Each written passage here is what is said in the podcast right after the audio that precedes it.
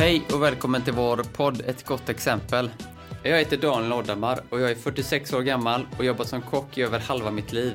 Under mina sista 10 år som kock så upplevde jag att vi producerar allt mer mat, vilket också ledde till att mer mat hamnar i soptunnan. Frågan blir till slut omöjlig att undvika. Varför slänger vi så mycket mat? Jag slutar som kock men blir kvar i branschen i hopp om att förändra den. Jag startar bolaget Generation Waste med en vision att förändra människors beteende, minska matsvinnet och i längden bidra till en bättre värld. Efter många år i restaurangbranschen har jag mött extremt många intressanta och nytänkande människor som har inspirerat mig till att värna om miljön och tänka i nya banor. I denna podd vill jag lyfta fram dessa människor och deras resor i hopp om att de ska inspirera dig som lyssnar. Patrik Severin är köksmästare på anrika Gunnebo slott och trädgårdar. Gunnebo innehar certifiering Kravs högsta nivå, vilket innebär att minst 90% av råvarorna ska vara ekologiska. En del i Gunnebos hållbarhetsarbete är att hålla menyerna öppna för förändring. Årstidens råvaror avgör vad som hamnar på gästens tallrik, vilket gör att gästen inte alltid kan få exakt det den vill ha. I början var många skeptiska till detta koncept, men genom benhård kompromisslöshet så gick det äntligen an. Idag har Gunnebo en restaurang i absoluta framkant, både när det kommer till hållbarhetstänk men också när det kommer till kvalitet. Vilket jobb ligger bakom Gunnebos framgång och hur är man egentligen kompromisslös i en bransch där kunden står så tydligt i fokus? Detta och mycket annat ska Patrik idag få svara på i dagens avsnitt av ett gott exempel. God lyssning! Gött så. Eh, då är vi uppe på Gunnebo och träffar Patrik Severin som är restaurangchef på Gunnebo slott. Ja. Och restaurang och trädgårdar. Ja, precis. Gott att se dig. Ja, tack detsamma. Hur är läget idag? Denna 17, 18 augusti är det idag va? Lite sensommar, skolorna Mm. börjar. Jo, men det är, det är bra. Det, det är fantastiskt bra. Med rådande omständigheter, så är det ju. Vi har haft ett knasigt år. Eh, Men samtidigt så ska vi vara tacksamma för att vi ligger där vi ligger. Så att, nej, det, det är bra tycker jag. Härligt. Alltid när man kommer upp till Gunnebo så blir jag så glad. Eh, Man ser alla, alla trädgårdsland och så här, men hur blir man liksom, eh, uppskattar man det varje morgon? Eller blir det liksom en... Alltså, eh, det är klart att man kan bli hemmablind. Men jag har varit här i tio år drygt. Och jag kan nog säga att jag uppskattar det så gott som nästan varje dag. För det är ju en, även om det är en historisk plats som liksom inte förändras i den bemärkelsen. Men att få, nu kör jag ju bil hit för jag kör en bit. Men att komma in här på området, liksom till reservatet. Hela vägen upp liksom, på grusgången och sen nu byter vi om nere en bit ifrån restaurangen och så gå igenom köksträdgården. Alltså, det går inte att gå obemärkt igenom. Nej. Och gör man det så, så ska man inte vara här tänker jag. Man blir väldigt lugn. Alltså ja, det är helt fantastiskt alltså. Och sen tycker man ju det är väldigt vackert nu men att vara här en busig, regnig vinterdag liksom, det, det kan också vara otroligt häftigt alltså. Stänga in sig här i, i värmen och tända ljus och nej, det, är, det är fantastiskt faktiskt. Ja, gött. Du kan ju berätta lite om din, om din kockbakgrund. Vad, eh, du nämnde tidigare att du har jobbat nästan i 28 år. 28, jag tror, att, jag tror det något sånt. Ja. Vad började du? När började du? Eh, var kommer du ifrån? Vilket, Jag kommer från ett litet samhälle som heter Mullsjö, ligger utanför Jönköping. Ja. På västgötasidan måste man ju vara tydlig med att säga då. Mm. Så man är ju inte smålänning. Det är viktigt. det är viktigt. Ja, nej då, det är ingen fara. Ja. Så, att, eh, så därifrån kommer jag. Och har väl inte gått den klassiska skolan liksom. På, så jag är inte skolad kock utan eh, jag väl blev formgivare en gång i tiden. Eh, Och på den vägen är det. Så det är egentligen färg och form som har tagit mig in i matens värld. Ja, just det. Sen eh, har jag haft förmånen att få jobba med människor som har älskat sitt yrke. Och det går inte att låta bli annat än att man faktiskt åker med på det. Så, att, så det är egentligen så. Mm. Jag har jobbat runt på Egentligen på ställen där jag tycker jag har fått människor som har gett mig någonting. Och det behöver inte betyda att det är en kockkollega. Utan det kan vara gäster, det kan vara ja, vad det nu kan vara liksom. Producenter som har funnits i närheten eller vad det varit. Så det, men egentligen alltifrån många år på ett behandlingshem med människor med psykisk ohälsa. Det var egentligen då det här med trädgård och mat blev väldigt intressant. Ja, det läste jag. Du, att du, det var där du lite... Jag tänkte bara backa där, för jag vet när vi träffades första gången så, så berättade du när du kom till Göteborg. Ja. Eh, innan du kom in i svängen, du kände inte någon, eller Kände kände väldigt få. Ja. Eh, hur är det liksom och hur var den resan att komma utifrån och så söka sig till, till eh, de här olika restaurangerna och komma i kontakt med dem? Hur, hur eh, upplevde du det? 100% tvärstängt. Mm. Nej, det var inte... Man skulle jag fick känslan av, jag tänkte ju liksom att nej men nu vill jag flytta till Göteborg. Det ska väl inte vara så svårt att ta på ett kockjobb liksom i en, i en kockstad. Och det var ju, vad kan det nu vara då? Kan det vara drygt en 14-15 år sedan och sånt där. Så jag tänkte det ska väl inte vara så svårt då. Och, det, och ringa runt och se om man inte kan få ett jobb. Men det var ju tvärstängt liksom. Det var liksom, de menar på att du kan väl bara sticka Vätternröding och göra blinis liksom. Det är vad du klarar av. Och det kanske var det jag klarade av men alltså det var... Så av en händelse sprang jag på eh, Rickard Vaje som stod i, på Maxi och, och försökte ragga en annan kock på telefon. Och jag brukar inte lägga mig i vad folk säger i telefon men där hörde jag att det är en kille som behöver ha en kock och jobb behöver fasiken ha ett jobb. Så att jag gick fram till honom. Du, jag, har, jag kan jobba åt dig. På den vägen är det. Så då fick jag in en fot. Mm. Eh, så var jag runt lite grann. Men sen fick jag förfrågan av Rune Kalf Hansen som han heter. Och han ville... Då var han här som konsult för att få restaurangen att bli jobba mer med trädgården och jobba mer ekologiskt och säsong. Och han i sin tur har gjort en del projekt med Simon Irvin som är trädgårds, chefsträdgårdsmästare uppe på Läckö slott. Mm. Och han eh, och jag drev ett projekt på det här behandlingshemmet om att göra vad ska man säga, maten mer betydelsefull för de människorna som var i det här tillståndet.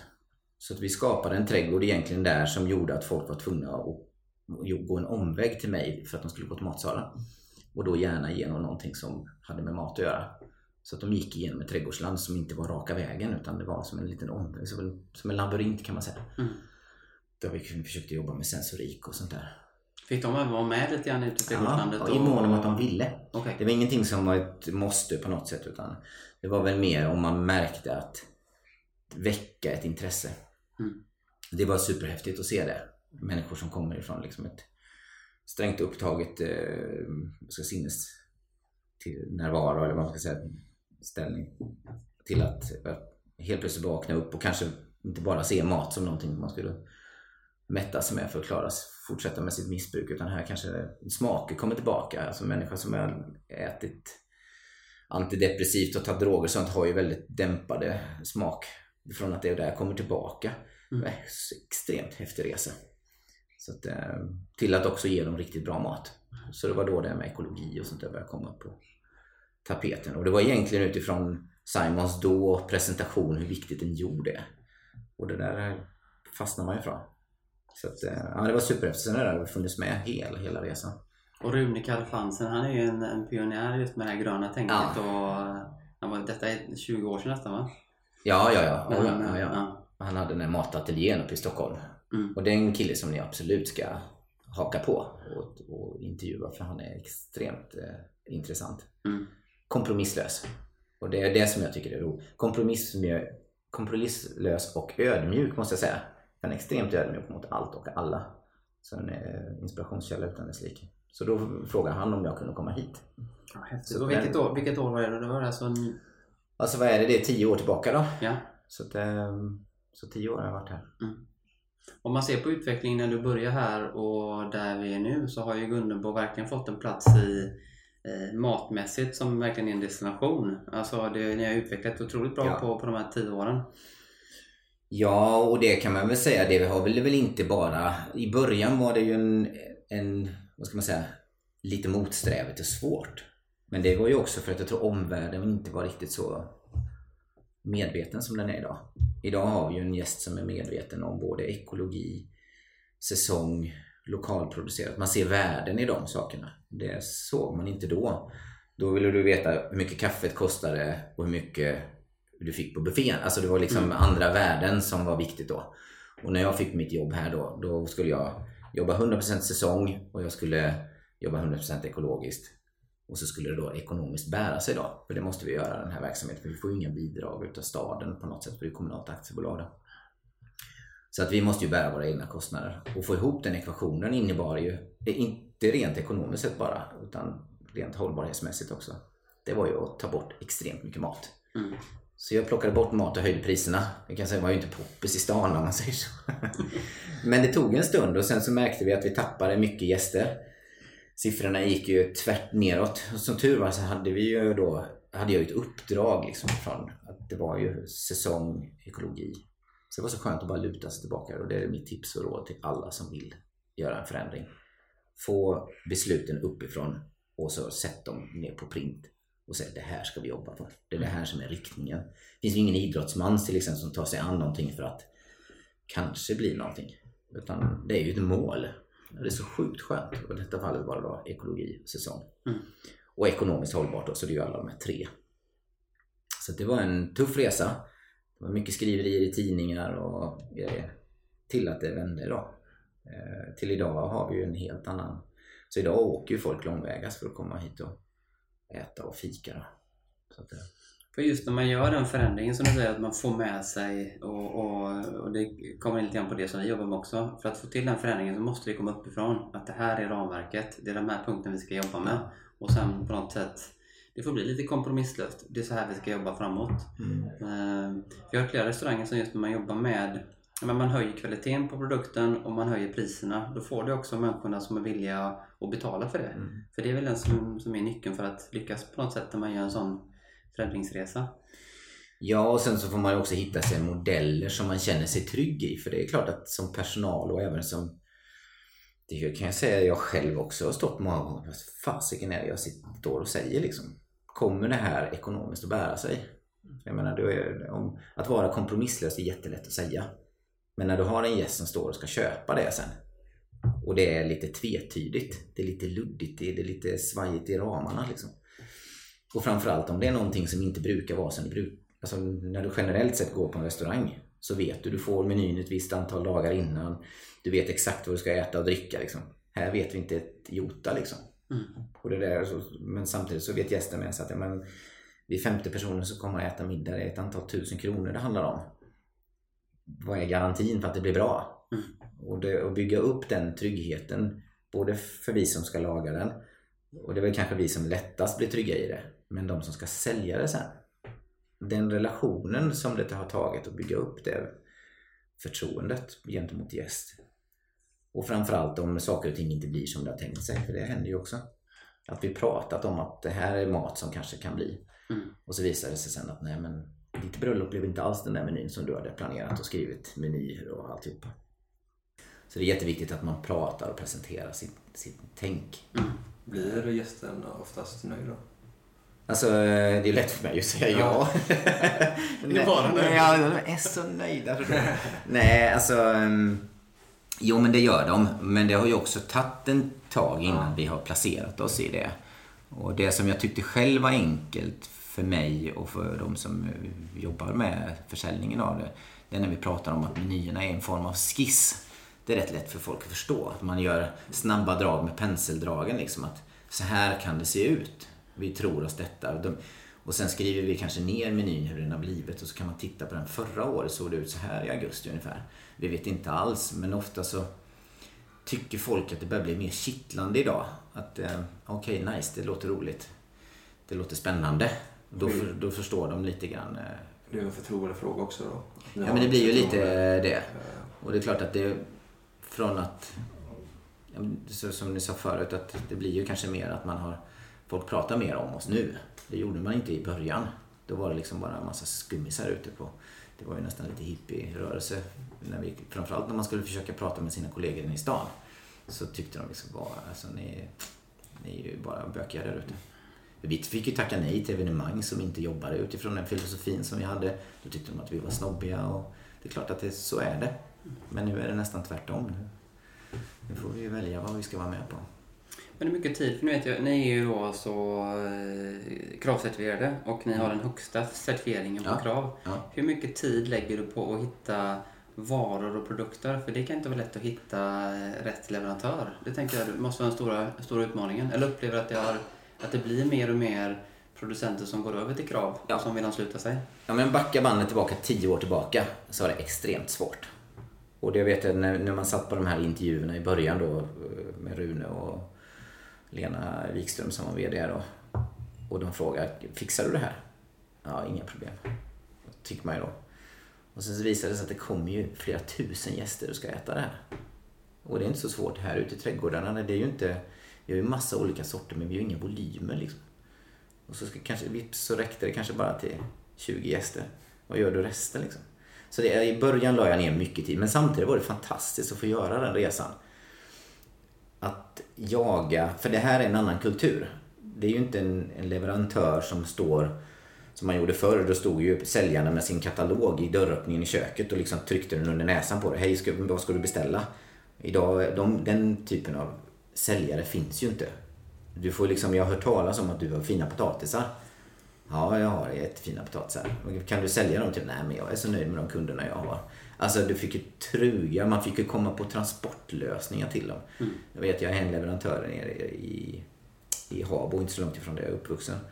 Som har fantastiska tomater. Men innan jag fick honom till att fatta att du, det, jag, jag köper alltså. Och jag kan köpa lådvis av dig. Ja, jag vet inte om jag får till det. Alltså, alltså det här trugandet. Men samtidigt så fick jag ju också, det, de, de var ju måna om att jag skulle ta hand om de här produkterna. Alltså det var ju deras barn. Mm. Det var inte bara någon som stod och sålde på en provision. Så var, och när man fattade det sen, då blev det så mycket mer effektfullt tycker jag. Så att, um, kan man säga var... att, att de här bönderna nästan är, eller producenterna är som att de nästan, de vill bestämma vem som ska få jobba med deras produkter. De är väldigt så här att, som du säger, att de tar hand om, tar hand om mina små bebisar liksom. Ja, och det är inte så konstigt om man tänker sig alla som har odlat eller fått upp någonting vet ju hur mycket jobb och hur mycket möda man har lagt ner på det. Och det är klart att bara skicka iväg det är ett led någonstans långt, långt bort.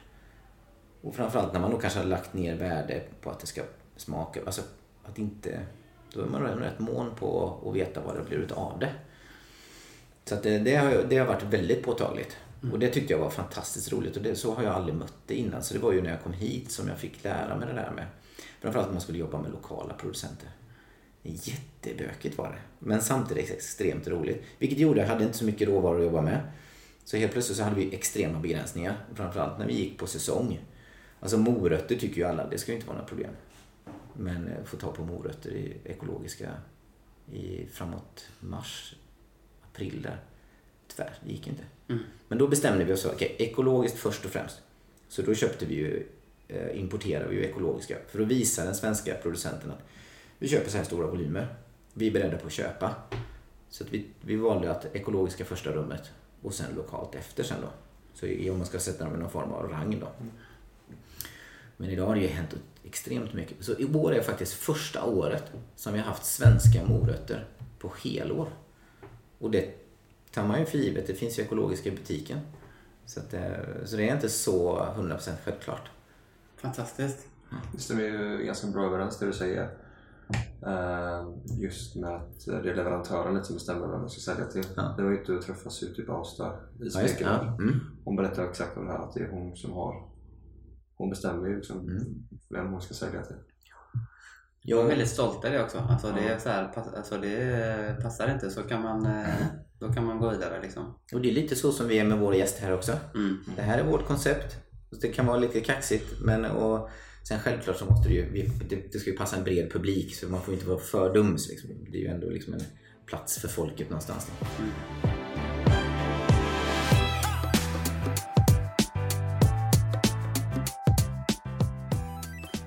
Stor del skulle du säga av det som ni odlar, hur stor del av det, eh, om man ser den totala mängden med mat som ni köper in, ja. hur stor del av den mängden är det som ni odlar själva? På ett ungefär cirka? Alltså det är den där klassiska frågan som ja. man får, ja. men samtidigt så är den extremt svår att svara på. Um, jag har aldrig gjort någon riktig estimering på hur många, hur många kilo det går åt av de här basgrejerna. Alltså, hur mycket, många kilo potatis det går åt. Men eh, Låt säga att vi köper ju säkerligen 100 kilo potatis i veckan. Alltså det blir ju ett par ton. Och potatis odlar vi inte någon... Alltså odlar vi någon så kanske det är någon äldre sort. Och då kanske det är 10 kilo det blir utav den. Så mm. det blir procentuellt sett väldigt lite. Men just den dagen är det 100 procent. eller ett särskilt sällskap. Och det är därför vi inte vill låsa menyerna. För har vi ett bröllop så vore det extremt fantastiskt om vi kunde få putta in vår produkt där för att den är mogen just då. När de ska gifta sig. Det kan ju inte bli mer unikt någonstans. Så att, eh, men låt säga att det kanske är 2 procent, 1 procent mm. i volym. Liksom. Så att, eh, men däremot så har vi en önskan om att ingenting ska gå till spillo av det man odlar. Och där skiljer vi oss rätt mycket ifrån egentligen i världen av den här typen av besöksanläggning. För ofta så är det den här typen, man, har, man odlar upp vackra trädgårdar och så tittar man på dem och sen vet man inte vad man ska göra av dem. Och det var ju en av de uppgifterna som, som jag och som mina kollegor fick då eh, tio år, för tio år sedan. Att den ska ätas upp. Mm. Så där kan man säga att, och det blir mer vanligt nu. Läcke har också kommit jättelångt och blivit fantastiskt duktiga. Rosendal är också, men om man ska tänka sig mer de här slotts... Eh, eh, ja, säga, anläggningarna då. Mm. Så att, eh, jag var uppe, uppe på Läckö i somras. Det är en ja. fantastisk trädgård de har uppe. Så. Helt att, att få jobba i den eh, miljön och det här Naturum heter det här ja, restaurangen. Det, det, det, ja. Helt fantastiskt. Ja. Eh, om, man, om man tänker så här då, när du... Eh, jag tänker det här är väldigt intressant när man pratar om hur man sätter upp en meny. Och det vet jag i och med att du inte vet så hur eh, mycket utav en vara du får hem. Nej. Så kör ni en rätt kanske, en, en fiskrätt kanske i tre dagar. Sen är den slut och så Ja. Planerar ni nästa? Eller då har ni nästa som ni kopplar på kan man säga. Ja men precis. Och det ligger väl egentligen lite utifrån den här... Vi har en, en ambition om att vi ska spegla den plats du är på via maten. Alltså är du på Gunnebo så ska du uppleva det på tallriken. Det är ju väldigt konstigt om man går igenom ett skafferi. Eller inte skafferi, men alltså världens bästa korg kan man väl säga. Det är ju trädgården. Och så går du in och sätter dig och äter på restaurangen. Och så är det inte det du har gått förbi. Det vore ju superknasigt. Så vi hade en dröm om att vi på något sätt ska göra tallriken kännbar av det. Så då, det är ju tio år sedan vi började laborera med det här och, det var mycket, och då var inte grönsaker i fokus på det sättet i, i, i restaurangbranschen, tycker jag. Utan det var ju, man pratade jättemycket, vad är det för kött, alltså det animaliska. Och då tänkte vi att nej men okej, vi speglar platserna. Okej, vi har vi är mitt i trädgården. Alltså den här, den här restaurangen ligger mitt i köksanläggningen, vilket är rätt ovanligt också. Ofta så har man ju sådana här typer av restauranger i utkanten av anläggningen. Men så nej, men det ska upplevas på tallriken. Och sen har vi i reservatet har vi djurhållning och då hade vi både får och kor. Och då tänkte man men det var ju en jätteliten djurbesättning, men vi ska ju äta upp dem också. Så att då tänkte jag, ja men då ska vi ha lite, då får det bli lite kött. Mm. Och då tänkte jag, men det är ju rätt sunt det här liksom. Det är ju en rätt sund tallriksmodell vi pratar om. Och då började vi prata om kött som tillbehör. Men det var inte utifrån ett hållbarhetsperspektiv på något sätt. Utan det var för att spela Gunnebo som en fysisk plats. Och sen började jag liksom, ja men fan det är ju riktigt, det är ju hållbart det här liksom, men det är ju supersmart. Så det var inte alls det som var tanken från början. Och sen så började vi liksom applicera det på tallriksmodellerna. Och sen har vi också otroligt väder och vind. Alltså hur mycket gäster kommer det? Ena dagen kan vi komma 30 gäster, nästa dag kommer 250 gäster. Och vi bytte menyer varje dag. Och så stod vi på helgerna och bara körde ut en massa rester. Vilket kändes ju helt jäkla knasigt. Och så började det här känns inte sunt, det blir mycket svinn och grejer. Så då gick vi ner till och började servera på tallrik. Och så gjorde vi tre rätter där vi kommunicerade dem utifrån grönsakerna.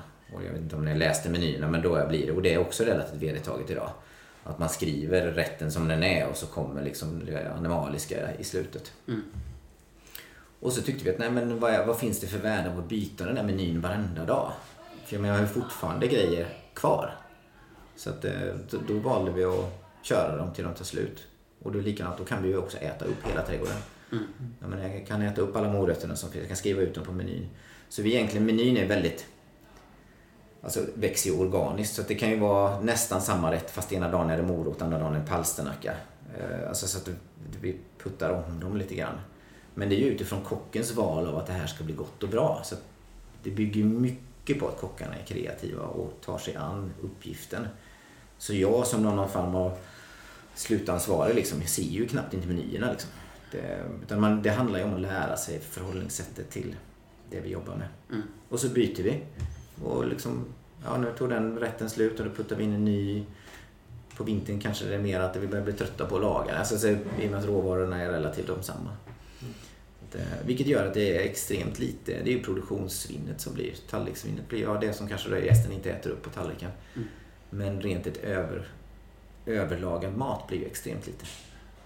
Jag tänkte eh, om man går tillbaka till hobbyodlare nu och när man får jag satte grönkål till exempel i en liten mm. låda eh, hemma i min lägenhet och fick då hur mycket som helst. Eh, men där är nu så otroligt, vad har för tips till För ni är så duktiga på att hantera grönkålen. Det är inte så att ni bara kör grönkålssallad utan då kanske ni eh, just det här att, att hitta olika eh, tillagningssätt på ja. en gröda. Det är också en utmaning? Ja men det blir det och det blir ju lite och det är nog just det här att vi pratar om att vi ibland har begränsningar. Eh, och det är ju, nu har vi ju inga begränsningar så här och snarare tvärtom. Nu får man ju nästan bara ångest av att det är så mycket som behöver tas om hand om. För man vill ju ha... Vi drömmer ju om att varje gäst som kommer hit ska också få smaka på en del av Gunnebo. Så kan vi ha någonting på tallriken som är av Gunnebo. Så om vi då har någonting som är gjort på grönkål till exempel i, i vi säger mars någonstans när det börjar bli lite tomt på grönkålen, kanske blivit uppäten utav rådjuren och det där. Att man har lite kvar och hur skulle det kunna vara? Det kan vara alltifrån en en örtolja på något sätt eller vad man har gjort någon müsli eller vad det nu kan vara på. Så att det är egentligen bara vara kreativ och tänka utanför boxen. Mm. Varva nätet ett par gånger och testa. Mm. Det, ehm, jag började, fick tag på, på, min, på mitt land, eh, testade att göra sån här Eh, fläderkapris mm. som jag hade. Oftast gör man ju saft på, på ja, blomman. På, på... Men uh, ju mer man nördar ner sig desto mer inser man hur, mycket, så hur lite man kan. Ja. Alltså hur mycket man kan göra av olika typer av växter. Det har med ålderdomen att göra. Ja, det, var... ja, precis. Det är så där man, man, man blir äldre så inser man hur lite man kan och så känner man fan, jag måste mer alltså. Ja. Det, är det, som, det är det som är häftigt med det här yrket tycker jag. Det är att, eh, man blir aldrig full där. Liksom. Aldrig alltså. Man blir nästan bara förbannad att det finns så mycket kvar att lära. Mm.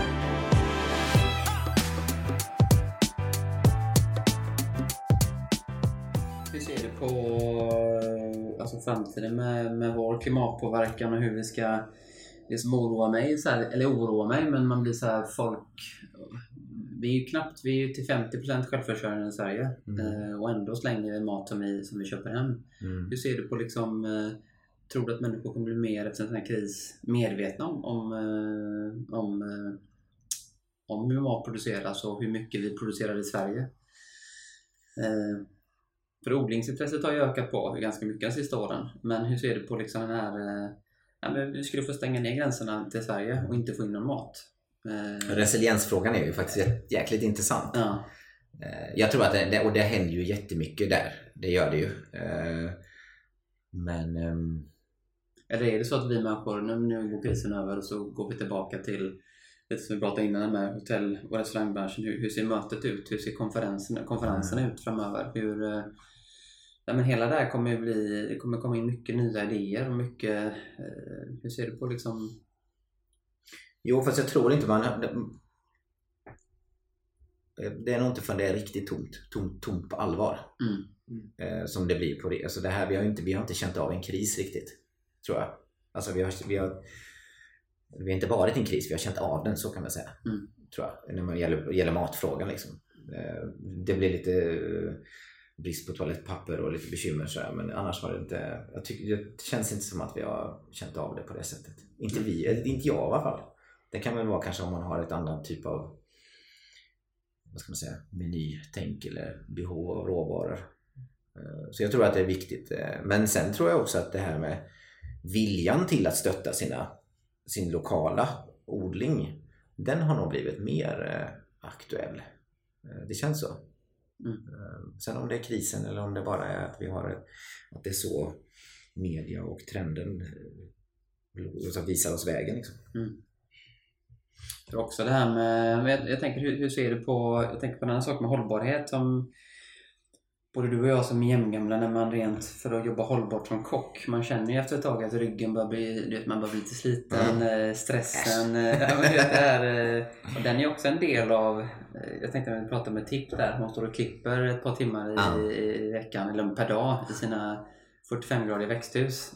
Samma som i ett kök. Alltså hur, hur ser du på hur, kan bli mer hållbara som om man ser kocksynpunkten? Eller hur kocken kan bli mer... Eh, hur orkar man jobba till ett yrkesliv som kock? Hur ser du på den? Eh? Ja men delvis är det ju att, handla, att få jobba med det lustfyllt tror jag. Mm. Alltså tror du, gör, gör du några saker och ting som är som du brinner för och känner ett värde av. Och då, att du, inte tala illa om det, men att bara stå och brassa käk någonstans. Då skulle jag slutat för länge sedan också. Alltså det här med bara stå och trycka ut en massa mat. Till utan, jag menar, vi här gör ju faktiskt en världslig förändring. Alltså vi påverkar ju världen mm. genom det, de valen vi gör här.